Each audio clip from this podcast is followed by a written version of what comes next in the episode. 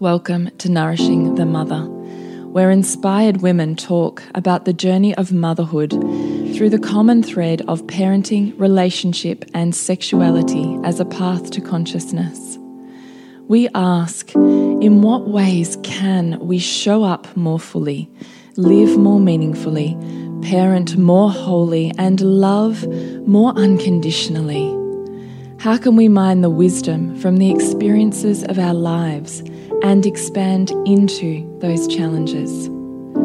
If you are here, you care about paving a path of conscious and intentional motherhood, connected with yourself and your gifts, and also illuminating your children in theirs, so we may raise more whole humans who can impact this world in a more humane way. And if you feel like giving a little back to this free content, please become a patron of the show and receive extra member benefits for less than a coffee a month. Or you can leave a review on iTunes and Facebook, all of which helps the podcast keep going and reach more mamas who need this type of tonic for the soul. Head on over to patreon.com forward slash NTM podcast to find out more. We are Julie Tenner and Bridget Wood, and we are so grateful you're here.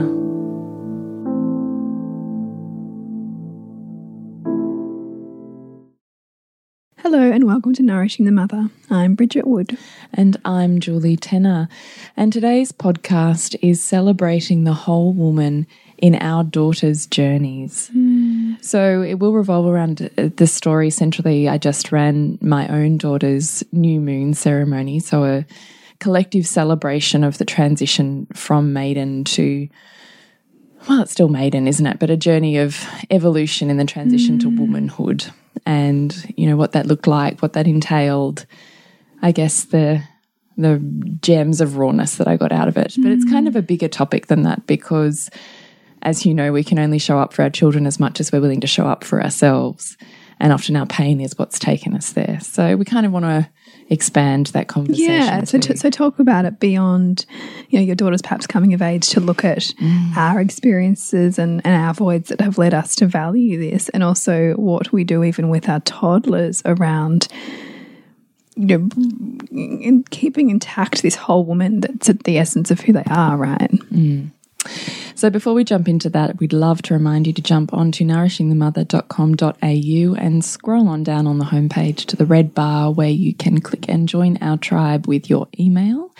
And once a fortnight, we send you an email that has all the links and titles to everything we've put out in the world, and you can pick and choose where you'd love to dive deeper. So please join us at nourishingthemother.com.au and come join our awesome tribe. Mm. Okay, Bridge. So I think that we might begin it. I think I guess with a little bit of a uh, debrief, maybe because I haven't heard anything yet from you on how it all went down with mm. your daughter's ceremony, and I saw you like for weeks and months planning oh it. Fucking god! I actually feel it feels like a lifetime for me, and I don't know why. oh, hello, baby. there you go. She's joining the yeah, conversation. Yeah, yeah. I say she. We just Who knows? she. We, Who knows? We'll yeah. um, sorry, back on track. Yeah, it does feel like a lifetime, and I think it's because. As you and I have discussed often, we had such a void on it Mm. that in the back of my mind, it's always been a conversation I've had with myself. Yeah. How am I going to do this? What will it look like? And to some extent, I've been searching the world over the last 10 years, going, where's my place? Where's my entry point? Who will I go to? And ultimately, what ended up happening was I looked around and look, there were a couple of options, but none of them really hit home to where I wanted to go with her. Mm. And so when it ain't around, you, create it. right? Totally. So that's what I did. So I feel like I've spent the last year really when I started talking to my daughter's friends and and my friends that I have in circle with me about it was okay, I want to do this. Who's with me? And I had a rallying of women that said, Yes, we want to do that. And I thought, okay, well, they're here. So now I've just got to create it. Mm. And I have been pulling together I can't even explain to you. Like, I feel like I have been in such a creative furor, and my mind it feels like it's whirring all of the time as I'm thinking and processing. What am I bringing into it? How am I saying it? What stories am I telling? What am I pulling out of it? What do I want them to walk out of it with? What do I want these women to journey? What do I feel deeply called to let these maidens know? Mm. You know, and just pulling together every part of my own journey and experience and books and wisdom outside of me that I could possibly. Mm. and so it's been this massive gathering process, mm. as any big research project is. And the culmination of that was yesterday. So I was actually really nervous because I wanted this to be something incredible. Mm. And if it wasn't, what did that mean? Yeah. So I was facing a lot of my own identity. And I had to keep reminding myself that it's a lot like birth. Whoever needs to be there will be there. Mm. And they will take out of the experience whatever they need to take out of the experience. And in the end, I, funnily enough, that was reflected in the women that were in the groups. I kind of created this private group to begin pulling it together.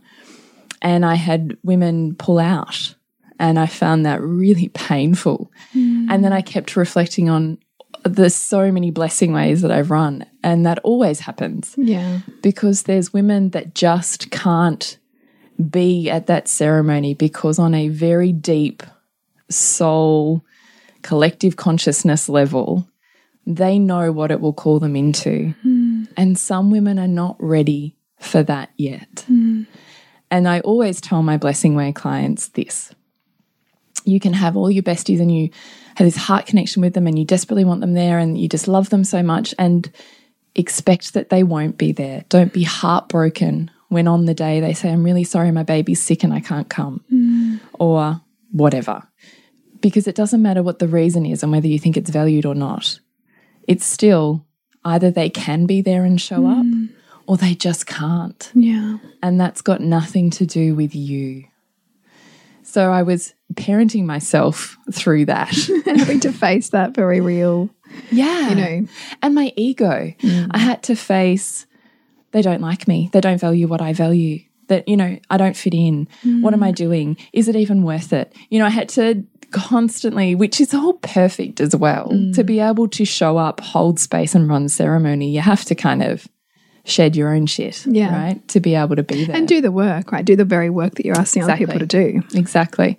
So I feel like also the last two months has been a really intense emotional journey for me as I've got closer and closer to this D date. Mm. And, you know, people have dropped off along, along the way.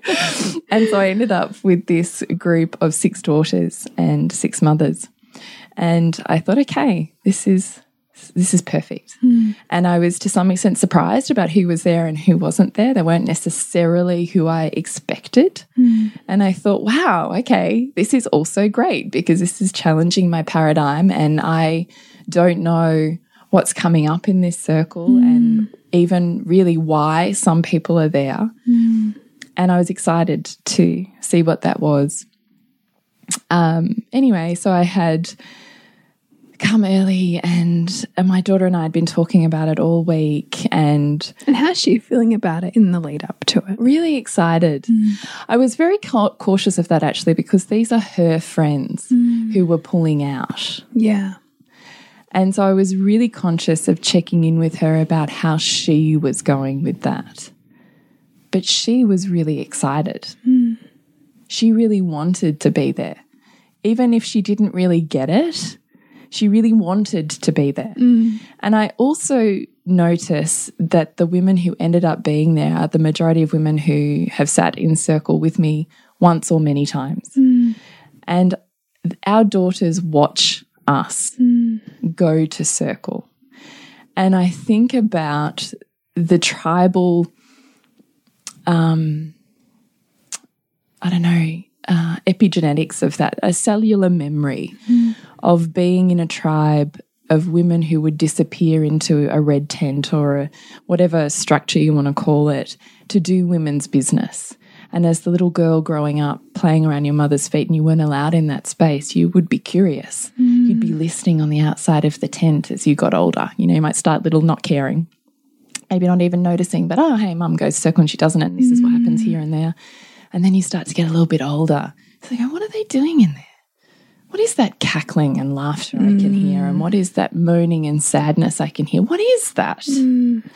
And then they get a little bit older and they might want to peek in and look through and see if they can have a little peek about what it is that these women do because it's so mysterious and they all work, walk out differently. Mm. And I think this is also the experience of going to circle Yeah. because our children see it. Yeah, Hugo. Hugo's like, why can't I come? I want to come Yeah, right? because he's there's there's something enchanting about it. exactly. Mm. So my daughter sees me do this and there's something in her that wants to know mm. and wants to be initiated and wants to be there. And so I was really impressed actually with how she journeyed that. She was really able to just let that go, that her friends just weren't going. And that was, it was okay. valuable enough for her to not be buying to She where, was, they- were yeah, she it. was really cool to just be like, oh, okay, you know, all right, that's a, you know, that's sad, but that's okay because mm. I really want to go. Mm. And so her and I'd been talking about it all week. She had decided the week before that she wanted to have her hair. She's kind of getting into this whole boho kind of look, and she wanted these Dutch braids, I think they're called. And I was like, oh my God, I don't even know how to do that. so we'd spent all week Pinteresting, YouTubing clips. yeah, yeah, yeah. how braid her hair. and we'd had practice trials and we talked about what flowers we were going to get to make her crown. And mm. she was like, she'd see me bringing these various, as I'm pulling it together, to these various ceremony art. She's like, what's that? What's that? And I'm like, you can't even look at this. Pretend it's not here. so, you know, the suspense is building Yeah. there. What's this going to be? She knows it's in a TP. She hasn't seen mm. the TP. Like So the whole cool. thing is just really exciting, Yeah. and interesting. And she loves flower crowns, so she was excited to be doing that. And we got to my friend's house and we'd made these, we, her and I had made wreaths together with her little sister too. And so we were hanging the wreaths around and setting up the different spaces. And we'd brought fairy lights to cover the inside of the TP mm. and mandala rugs. And, you know, so we would kind of, her and I set up the ceremony space. And my beautiful friend whose house it was, her and her son walked us down to the wetlands and smudged both of us. And Gorgeous. It was just really beautiful. Yeah. And um, then everybody started arriving. And so we sat down and we made the daughters made corsages for the mums, and the mums made um, flower crowns for the daughters. And I had actually one friend who um, ended up having surgery, so she couldn't be at the ceremony, but her daughter desperately wanted to be. So she actually asked her mother, so this daughter's grandmother, to be there. So we had five mothers and one grandmother, which I thought was actually incredibly Yeah. special. Yeah. Um, so we kind of did that, and there was, you know, I was very conscious of bringing in the reverence for their body. So I created kind of a, a stepping series of rituals of almost being dressed in regalia, I suppose. So there's, you know, the crown, and then there was kind of a procession, and I asked each mother to wash her daughter's feet and then she walked through gold glitter and you know I had this process and then we mm. came into circle and we had certain rituals that were about informing her and, and telling her her stories and covering her in gold and so she felt mm. like a goddess mm. before we even opened ceremony and then I had a series of rituals designed over the course of really what ended up being four hours but it disappears. Like you don't even Yeah. realize that were about sitting in the collective shared wisdom that was in that group, what menarche experiences were, hmm. what these girls wanted theirs to be, and stories from the heart of their own mother's wisdom and journey of them and of their own experiences that they wanted to mm. share. And we shared stories of adolescence and stories of learning and stories of love. Mm. And it was just profound. Like we were all, there wasn't, I do think this is my gift. I say this with, because everyone laughs at me, but I have a gift of making women connect to and open their hearts in a way that they have such a wave of awe and emotion that all they can do is weep. Hmm. And I feel like if I've created a space in which you can weep and connect to your heart, I've done my job. Hmm. Once your heart is open and you're connected, you'll know what to do with the rest of it. Hmm. And so I trust that as a process. So I take my role very consciously of being able to walk women from many different backgrounds and To abilities place. to that place. So I had 12 women, six maidens, Hmm. and six or five mothers, and, and one um, crone. Yeah, Yeah. right, which is beautiful. Hmm. And every single one of us wept. Hmm. And it was just like How divine. divine and we were all weeping at at hearing other women's stories. Mm. And uh, you know there's something about hearing such a raw honest deep truth because it rings so true in your own body. Mm. And so you connect to that and you weep for your experience of that you know? Mm. And i loved that every single woman there you know the the letter that she wrote i asked each mother to write their daughter a letter and towards the end of the ceremony, we kind of did.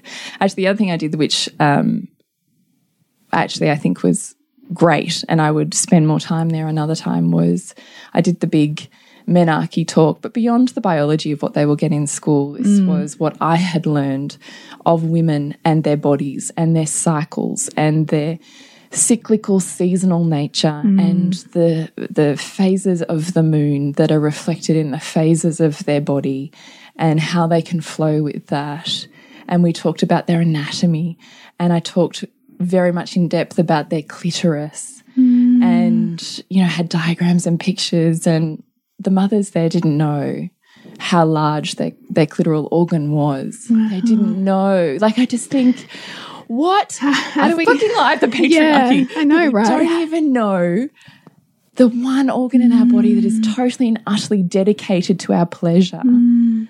We're not even educated about it.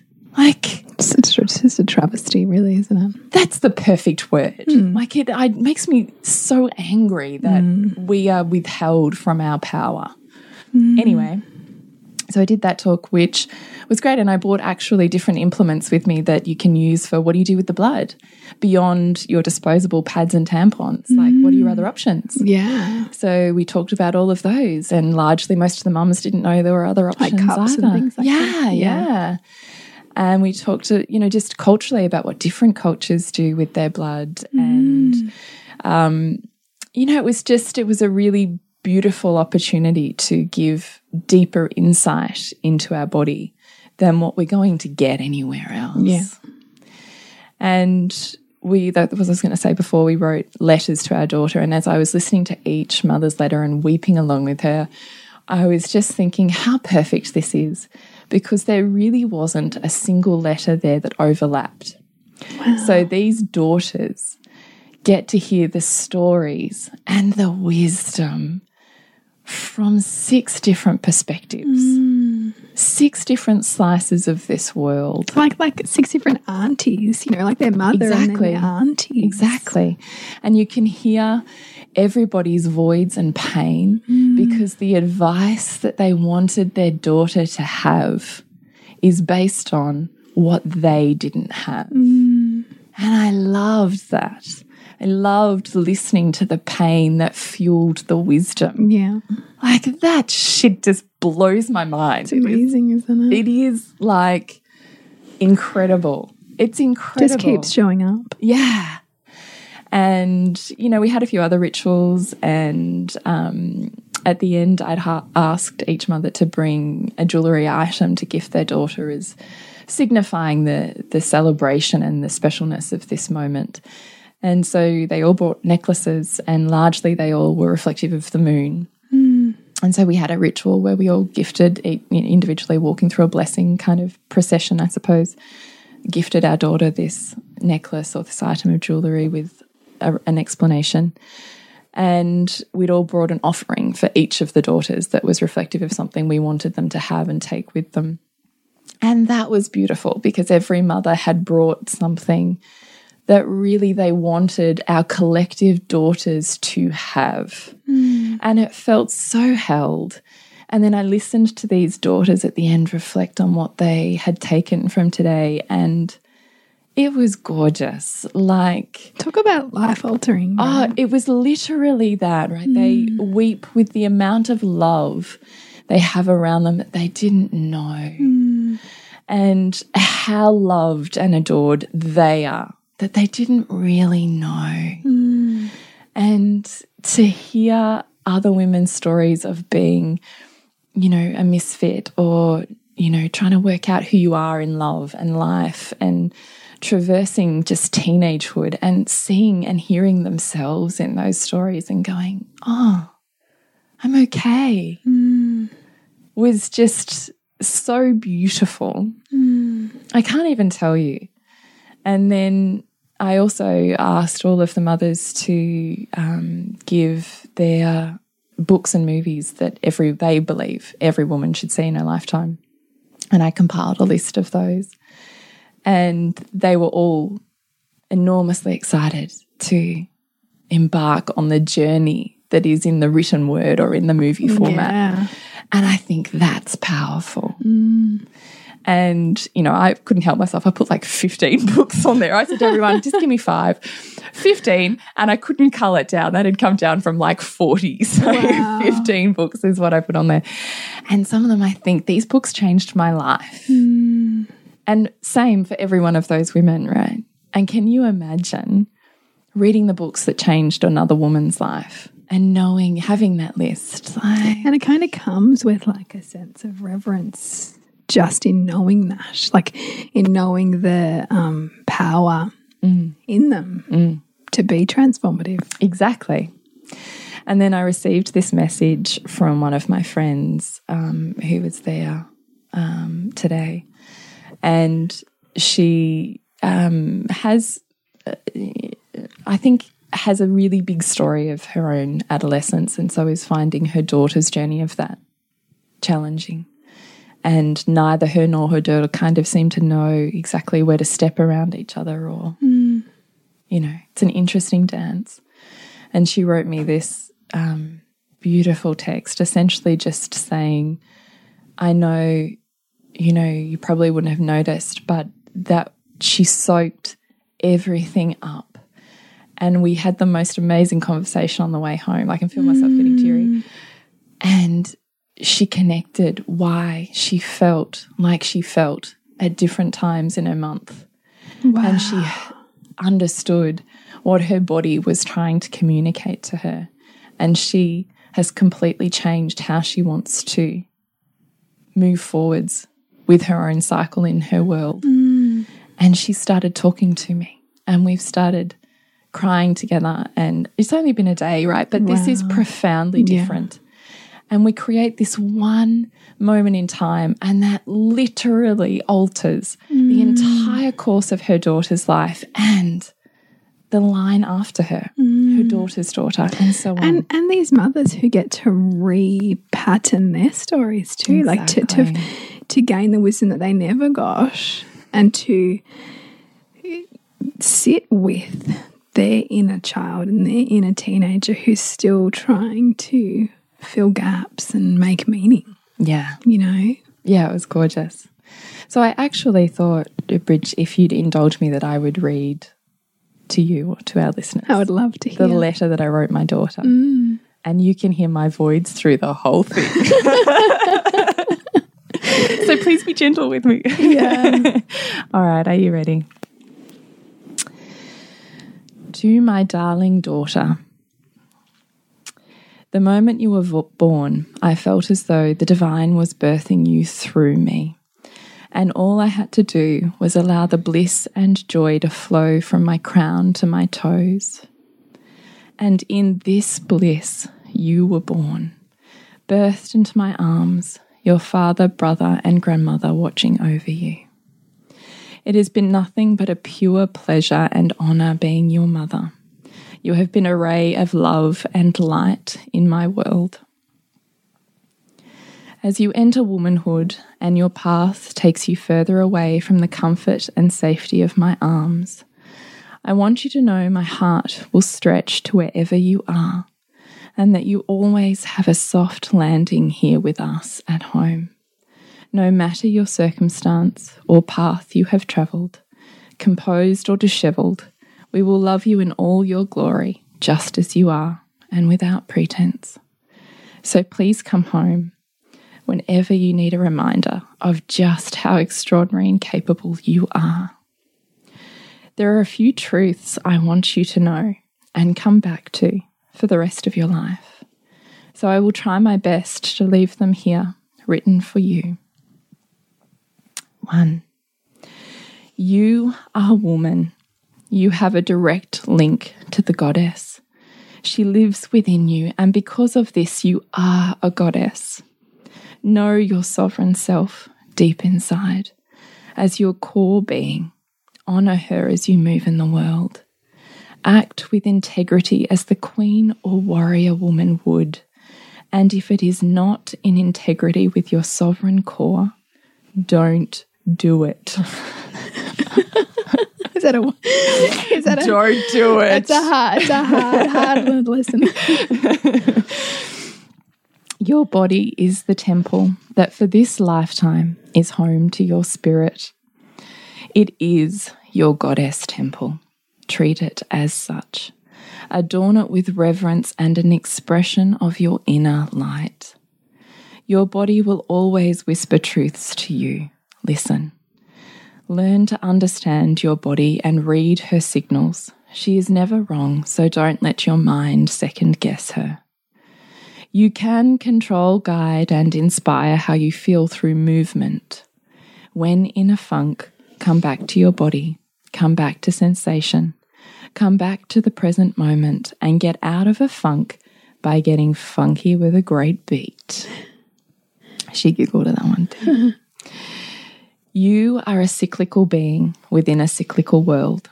Everything has its seasons and cycles, from your life to your body to your feelings. Be willing to flow with your cycles, even if the masculine world around you says it's ridiculous, frivolous, or can't be done. Your cycle will only feel like a limitation if you have no limits. Know your boundaries. Honour your need for deep rest. Treat the call to go within as sacred. It is a path to your inner knowing, to your awakening, to amplifying your impact on this world. Don't be fooled into believing otherwise. We're just interrupting Julie's letter to her daughter to let you know that we have our own TP circle opening up for a one time only retreat for 2019, which is Sunday, the 7th of April in Bayside, Melbourne. So if you feel called to join us and snap up one of those last spots, we'd love to have you head to nourishingthemother.com.au to find out more. Grief is not a place to stay. It is a passageway through to knowing something more deeply. Don't wish it were easier. Allow yourself to be molded into something stronger and more beautiful. What you are passionate about, what you desire, is not random. Random. It is important in your unfolding. Give yourself permission, time, and space to follow it. Resistance always shows up in our life, from not finding the time to legitimate pain and limiting beliefs. Taking risks is uncomfortable, but what we resist holds the key to our next evolution, to more freedom. So be your own warrior knowing you have deep roots that sustain you, and enter that which you want to resist. Instead of asking what type of guy or girl you want, ask yourself, what do you want to feel? What type of experiences do you want to have? And make that list instead. When you're in relationship and you want to blame outwards, ask yourself, have I been impeccable in showing up with my whole heart? It is here you will meet real love and know what you are worthy of, so don't run from it. If you experience hurt, choose to open still. Pain is a gateway to wisdom. Don't look for a partner to complete you You are already whole. Look for a partner to amplify you. Life often doesn't look like you thought it would or should. Let go of the illusion of control and let this experience flow through your heart. It too has purpose. Cultivate your feminine and learn to conduct love through your body, staying open. Walking, dancing, moving. If it feels good, you're on the right path. The feminine experiences love through pleasure, so develop your pleasure. Your full presence will be deeply nourishing to anyone you choose to focus on when you are willing to fill up in this way. Pleasure is your birthright. Approach all your experiences with this knowledge to learn what pleasure is for you. To follow your sexual awakening, follow your pleasure. Use your voice give yourself permission to ask for what you need. And if you don't know, find out on your own first. Your primary sexual relationship is with yourself. Everything else is secondary from there.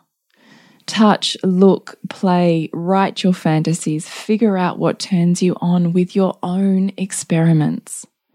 Explore your sexuality on your terms. Your clitoris is not hard to find. Find it, explore it, tell your lovers about it.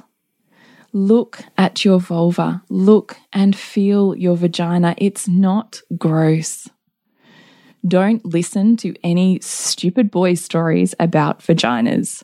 They all wish they knew what they say they do. Your vagina looks, smells, and feels 100% normal. Pee after sex. Sex can be a pathway to God. There is no right or wrong way to do sex, and it doesn't just come naturally. It is a skill and an understanding that requires learning. Seek beyond magazines, social media, and movies. The key to eroticism is not how it looks, it is the courage to be present and feel and communicate. Allowing someone to enter your body is no small thing. You take parts of them into you their body, their heart, their soul, their pain, their whole body ecology. And this has the potential to alter how you feel within yourself. Choose wisely, and only choose those worthy of such an honour and who honour you in the process. You don't need a man to access your sexuality. It isn't activated by a man's touch. Please explore yourself. Explore your own and others' explorations of sex, the good and the ill fitting. Sex doesn't have to be serious all the time you can say no. You can say no even if it makes them mad, if they call you names or threaten to break up with you. You can say no mid act after you've said yes, if it hurts, and it never should, if you're feeling comfortable, undervalued, or unsafe. And in the end, take the pressure off. Actually, nobody really cares what you do or who you are. They're all far too busy with themselves. I promise. I love you beyond the moon and farther than any star we can see. You are made of stars, my love. And you can fly even when you feel like you don't know how. Honor your heart, your body, and your soul, the way your father and I do, and you can't go wrong. We wish you blessings and immense joy as you explore this world and who you are within it. It's a pretty incredible place to be. All my love, Mum. so beautiful. I'm sat here with tears just running down my face listening to that. I'm so glad. It's good. I was a mess. I was cried my way through the whole thing. Trying to read I it. couldn't even read it. like, I can so imagine. I couldn't even read it. And, you know, my daughter is um, 11, turning 12 this year, and I know that she's nowhere near ready for sex. Yeah. But I, if I thought about if tomorrow I were to die, which is entirely possible, what would I want my daughter to know? What would I want to leave her with that is my legacy beyond my physical body? Hmm. And that's what I took into writing my letter was not where you're at right now, but where I know you will travel to Yeah. and what I want you to have the keys to that I never did. And I wasn't sure how that would go when I read that to her. But I realized as I was coaching all these mums in writing their letters was I said to them, you have to remember that what you think your daughter is ready for or not is not her. Hmm. That's you. Hmm. And our daughters are the most magnificent sieves. And whatever they need right now, they're going to hold on to. And whatever they don't, they're not going to hear or understand anyway. And it's just going to sift on through. And that's why I made these books, so that they would go home with the collective wisdom. And they have it for a and lifetime. They'll come back to it just the right time. Exactly. They know that in those letters written from six different women, as well as what I've added to it, that whenever there's a rough patch, they will find themselves in there. Mm. And that for me was always the purpose in that. So, interestingly enough, as I was reading all of that, it felt really natural and, and easeful. And my daughter was, you know, had tears running down her face when I'm telling her expressions of love. And she just listened otherwise. And I could see that there were other mums there who said, Oh, you know, I didn't even know what to say. And there are all leads in your letter, everything I would want my daughter to know. And every entryway into a conversation that I didn't know how to have. And, you know, there's the um, maidens that were at this circle were my daughter was the youngest at 11 and they went up to 15. And so there were girls who were there Yeah. and they take something completely different out of out of that. So I feel tired today. I think it feels mm. like I've got over, you know, kind of been this furor, furor surging this path to create this experience. And I kind of feel like now I'm like, oh, I can rest now. Kind of need to curl up in the fetal position. Yeah. And just Yeah. let it all soak in. Yeah. Um, but, you know, I have these beautiful messages sort of coming every now and then from these women and the experiences they're having post ceremony with their daughters. And it just, it makes me want to weep all of the time, honestly, when I think about the impact that this one thing that seems so incremental and almost not, not worth it, you know, But yet you know is it's life not. changing. Because No, you look I- back right? at your own story and you realize that some of the most pivotal points in which we gained wisdom was when someone opened their heart like that, Mm. you know, or someone saw us in a way that we needed to be seen Mm. and gave us the keys. Mm. That's what we've done. So that's what I'm sitting with at the moment. So a couple of the mums have said, you know, blah blah blah, all this, you know, this is what they got out of it. I'm so profoundly grateful, and you know, but now they want a women's circle. Yeah.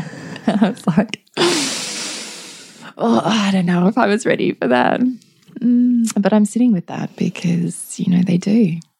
Mm. Our The ones who aren't our maidens need a circle. Oh, the girls want a circle. They want a oh, circle because they've had this insight into what the sisterhood is, Yeah. right? What deep, authentic love and self exploration is. And, you know, we can forget our dreams on our own. Hmm. And yet to have another woman who believes in us fan those flames makes them entirely possible. Hmm. and enough of the patriarchal bullshit that pegs women against each other Mm. and shows us women fighting over men and over Or, beauty. or says this is your track and you got to keep on that track. and women are our competition. Mm. And enough of that. It's that is such a story to keep us so separate because when we're together, we're more powerful, mm. individually and collectively. So let's just peg you all against each other mm. And we'll tame the power. And you can have a cat fight over there while we just take over the world. Yeah, exactly. maintain our maintain and it keeps you keeps you isolated, right? yeah. enough. The sisterhood that sees you and fuels your dreams and gives you a place to put all the stuff you don't understand and assimilate it in such a way that you have a heart and body connection to it. It's fucking powerful. Hmm. a place to have permission to be held and heard and, and entertain those whispers and yearnings hmm. that might seem frivolous in any other place. Hmm. But that held space. So, where do you want to go from here? I think it's worthwhile. I mean, I- and I'm, I'm interested to know how. I suppose because I'm I'm reflecting on my own growth into my body, and as I descend into my third birth, um, and how much more I know I've expanded into reverence for my body and and for all of it, right? And for being with the stretching that birth requires of us and and the letting go and the surrender and the you know feeling mm. right? And so i'm consciously taking my children but particularly my daughter since i did a lot of talk around birth with hugo when i was pregnant with sylvie and just normalizing our mm. bodies mm. and normalizing the power in our bodies and our relationship with experiencing the pleasure and the joy and the reverence for every part of it. And I thought, gosh, like it's taken me into my 30s to feel in a really comfortable place with all of that, Oh, I love the 30s. you know? yeah, too. And yet, like, what if, like, what's my daughter's experience going to be if she has me as her mother comfortable in her body hmm. and comfortable with talking about her body and being, hmm. and my body being witnessed by her and me talking about her body, you know? Hmm. How does that With respect. with respect and with um, honoring, right? And how that imprints her. Of course it does. I think that is life changing. Because we know how much we've been imprinted by our own mothers and and you know and they they I think we all do as the best we can, right? And like my I was having a chat with my mum talking about how you're running this ceremony for Jade and and so I said to my mum again, I said, you know, like it made me think about when I first got my period and how much you really tried to do to celebrate that. And mum had said, look, you know, I, I, I did because I wanted it to be different to what it was like for me. Mm. Right? Pain and value. Yeah. Mm. But isn't that what we're all trying to do? Exactly. You know, like you and every mother in that Yeah, exactly. space Exactly. all wanted something more for their daughters. Exactly.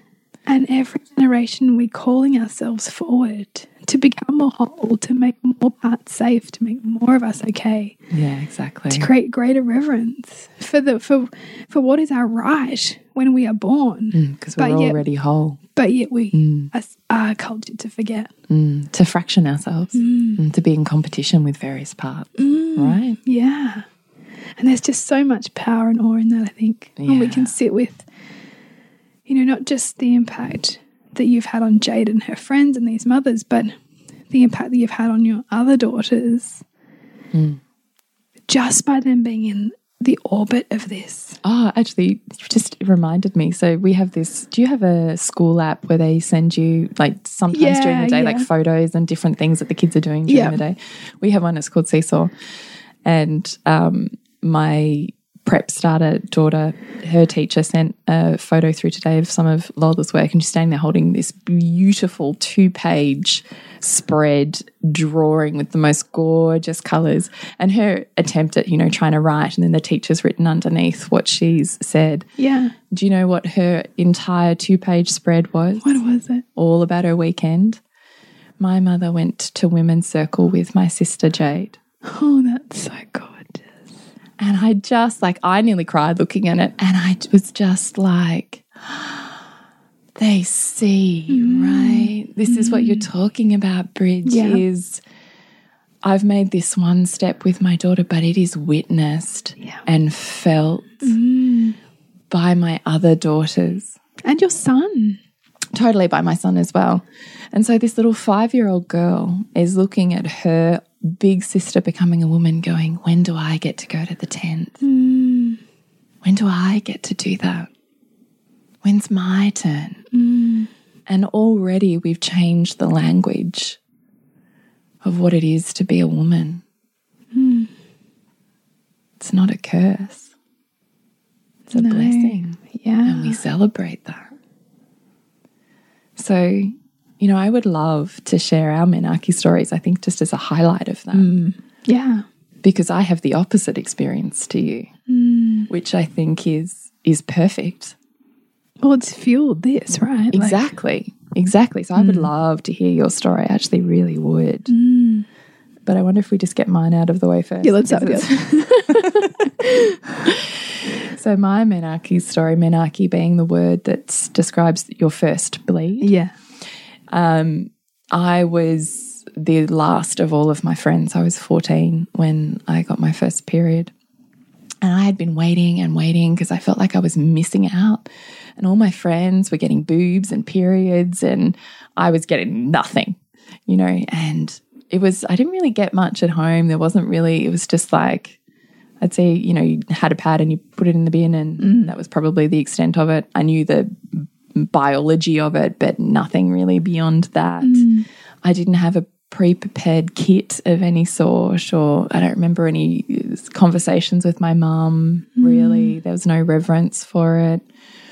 Um, all I remember is being jealous of my friends and wanting to be like them mm. because I didn't fit in. I wanted to be where they were, and I wasn't there.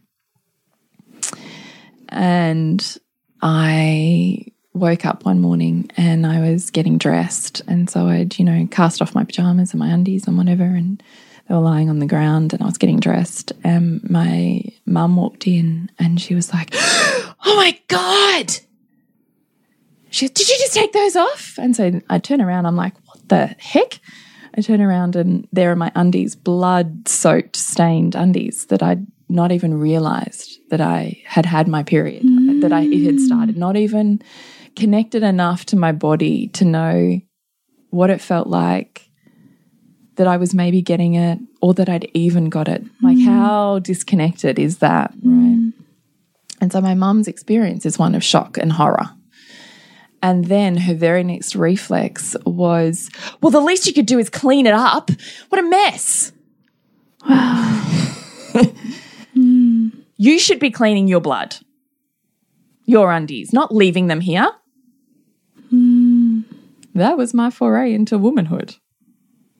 So I was left feeling shameful, hmm. ashamed of my blood. And I don't know, it's I don't know what the opposite word to reverence is. What's the opposite word to that? Well, it kind of is shame, but also Well, it is shame, isn't it? confusion and just There was just zero reverence. If I thought mm. that this magical Cinderella experience was going to happen when I got my period and became a woman like all my friends, it was like the nightmare opposite of that. Hmm. it was full of shame and kind of public humiliation and um, no reverence whatsoever. not something to be embraced, something to hide or, Yeah, you know. and you you're messy. Hmm. You clean up your own shit and you keep that tucked away. Mm. Mm. That's painful. Mm. Yeah, it is. But I want something different for my daughters. Took me a long road to find my body. Yeah. You know, I was taught disconnection and pain for my body. Mm. And not that I was specifically told that, but we're told it by watching and witnessing our own mothers. Yeah. And we're told it in how they respond to our bodies. And how they respond to their own. Exactly. Mm. So, you know, the deep, the spiraling depth of that pain in so many ways is what created my drive to find my body, mm. find and reclaim my sexuality, find and reclaim my sovereignty, because I had felt like I was stripped of that.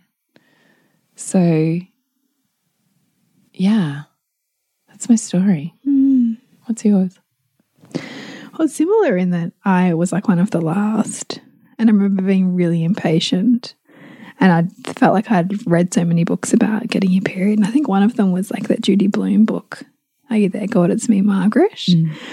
Where I think she she writes letters and she talks about becoming a woman and her experience. And I wanted that so much. I don't know what I thought it meant, but there was something uh, like mysterious about it or something empowering about it that I wanted a piece of.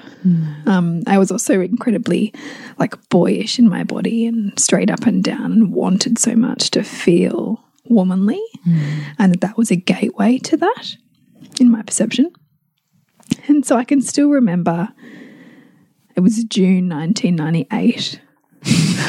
Wow, that's really specific. Yes, so I was nearly 14. And um and it was late. I, th I was one of the last last ones of my friends and and I think I'd almost just gotten him. I don't know what I can't remember, you know, whether I'd was on my mind all the time, whether I'd kind of forgotten at that period, but I remember like where I was, I was in my house and I'd gone to the toilet and seen it, right? Like seen it on, you know, my undies.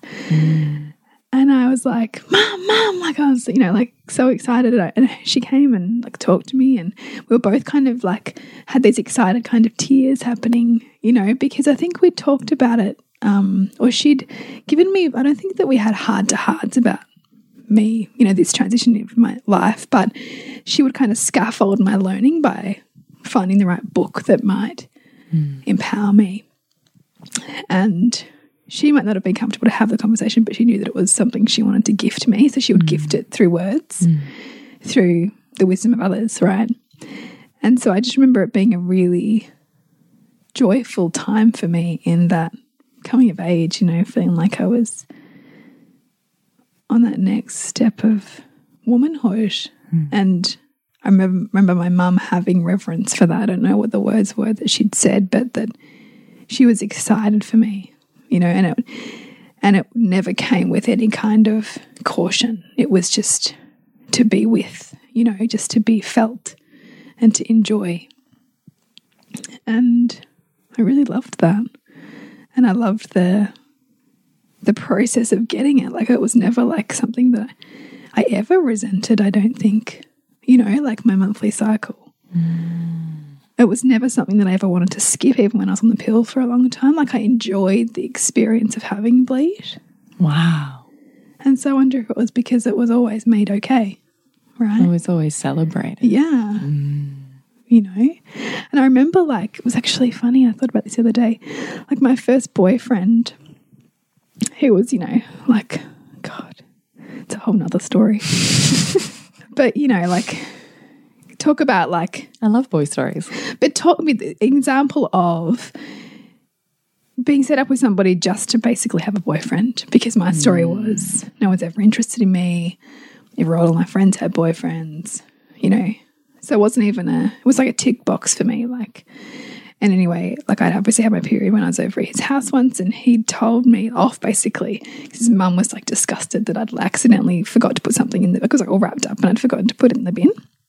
Oh. And he'd kind of said something like, Oh, like, mom, like, saw your stuff wrapped up and just want to make sure that you put in the bin. It was a first experience of disgust Shame. or shame that I'd really had an experience of because it wasn't something that was sh that there was any shame mm. around in my home. But then I was at the first time kind of feeling that mm. through that, you know, it was interesting. Actually, you've just reminded. Do you mind if I segue? Yeah.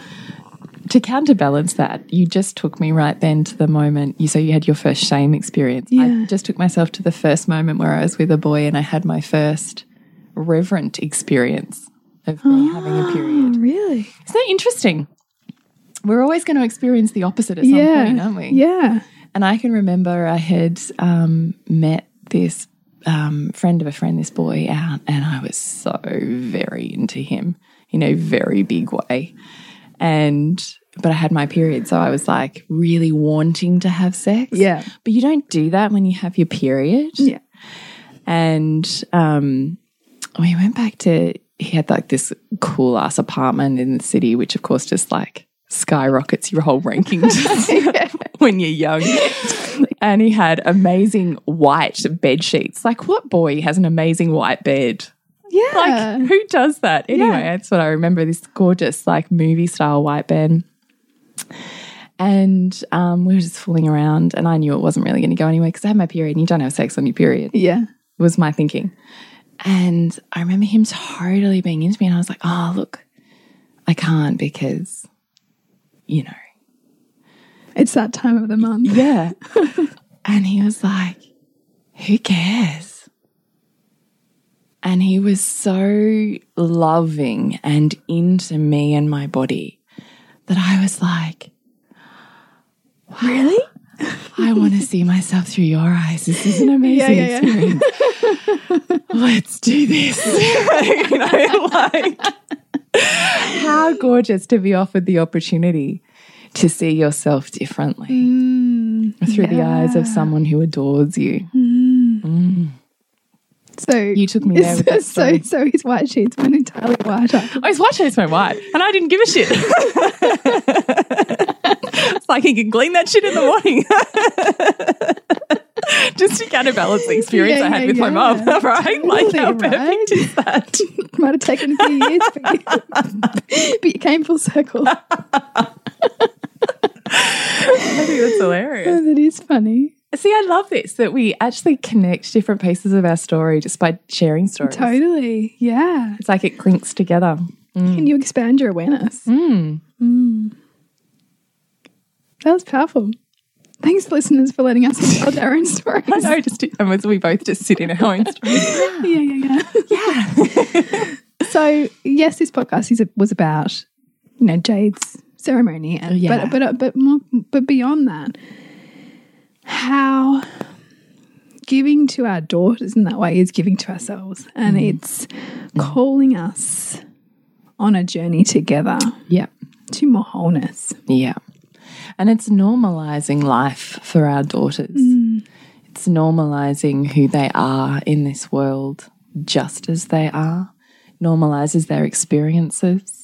It gives them frames of reference for how to treat themselves, hmm. what they, in inverted commas, are allowed to expect or not. Hmm. Because if you're not specifically told that, then you're probably going to do what I did. Hmm. And you're going to go a lot left and a lot right. But what if you had a better frame of reference? And what if you knew you had this deeper connection and knowing with your mum that even as she's standing there saying, you might not see my remembering, but I remember what that's like. That's a really profound moment. And to have a group of women who you feel just as safe and honored by, that's more than mentorship. Hmm. That's a sisterhood. They're aunties, right? That's who they mm. become in that ceremony. And I would rather my daughter not be able to talk about something with me and go to one of her aunties Yeah. than try and work that shit out on her own. Hmm. And that's the connection we formed with that group of women hmm. and young women. And I think that is powerful. Tribe still exists. Hmm. But if it's not there, you got to create it. And ceremony is one gateway into that. So please do it. Mm. Please step off the threshold and celebrate your journeys. Mm. Celebrate your journeys of the life and death cycles that we go through as women. Create a ceremony and ritual and a pause in time to go deeper than the rest of your world allows, knowing you come out the other side changed. Because we have reverence for birth, we have a blessing way. Mm. We have reverence for the changes of life. And we can have ceremony around those. We can have ceremony for the for the process it is to become a wife, for the process it is mm. to become a mm. mother, for the process it is to let go of those years of baby making and become and step into the crone. Like you can have ceremony that celebrates those journeys of womanhood. Mm. And you can have circles that bring and weave women together and share stories that help and heal everyone in that group. That's what's so profound about, you know, every time entering any kind of ceremony or circle is is the power of those mirrors that other women offer. You know, yeah. and, and and and sometimes you might think there's nothing in their story for me, but mm. yet there'll be something that lands so profoundly that it almost just connects every dot, mm, you know, exactly. in your own life. Exactly.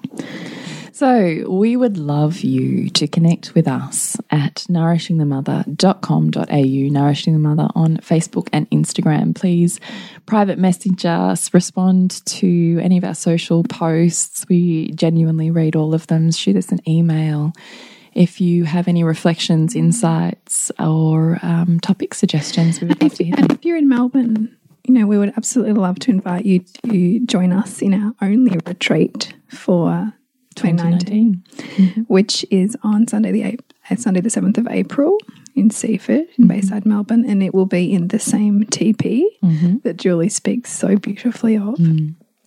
And we only have just a couple of spots left. So if you're really feeling that this podcast and any of our podcasts has opened up stuff for you mm. and that you want to enter into consciously in a held space of women, um, we would love to do that with you. Yes, we would. And connect with you, Bridget. Suburbansandcastles.com. And you, Jules? Is thepleasurenutritionist.com. Remember to nourish the woman to rock the family. And we'll see you next week when we continue to peel back the layers on your mothering journey. And if you want to support Nourishing the Mother and all the late nights, the early mornings, the blood, sweat, and tears we pour into our art, then please go to patreon.com forward slash NTM podcast and become our patron. As a patron, you're helping all of the cost of operating this podcast, the hosting, the editing, the transcription, helping all of that be completely covered, and joining a community who are all about honouring our journeys and continuing to open. The more support we have, the longer we can last. So become a patron. We'd love to have you. Go to patreon.com forward slash NTM podcast. We literally couldn't do this without you. Thank you so much for listening, and please share this podcast with anyone you think it would be medicine for.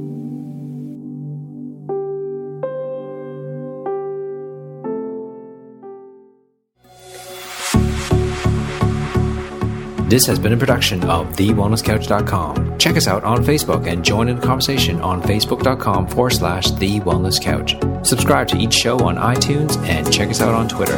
The Wellness Couch, streaming wellness into your lives. Whilst the Wellness Couch presenter endeavor to provide accurate and helpful information to their listeners, these podcasts cannot take into account individual circumstances and are not intended to be a substitute for health and medical advice from a qualified health professional. You should always seek the advice of a qualified health professional before acting on any of the information provided by any of the Wellness Couch podcasts.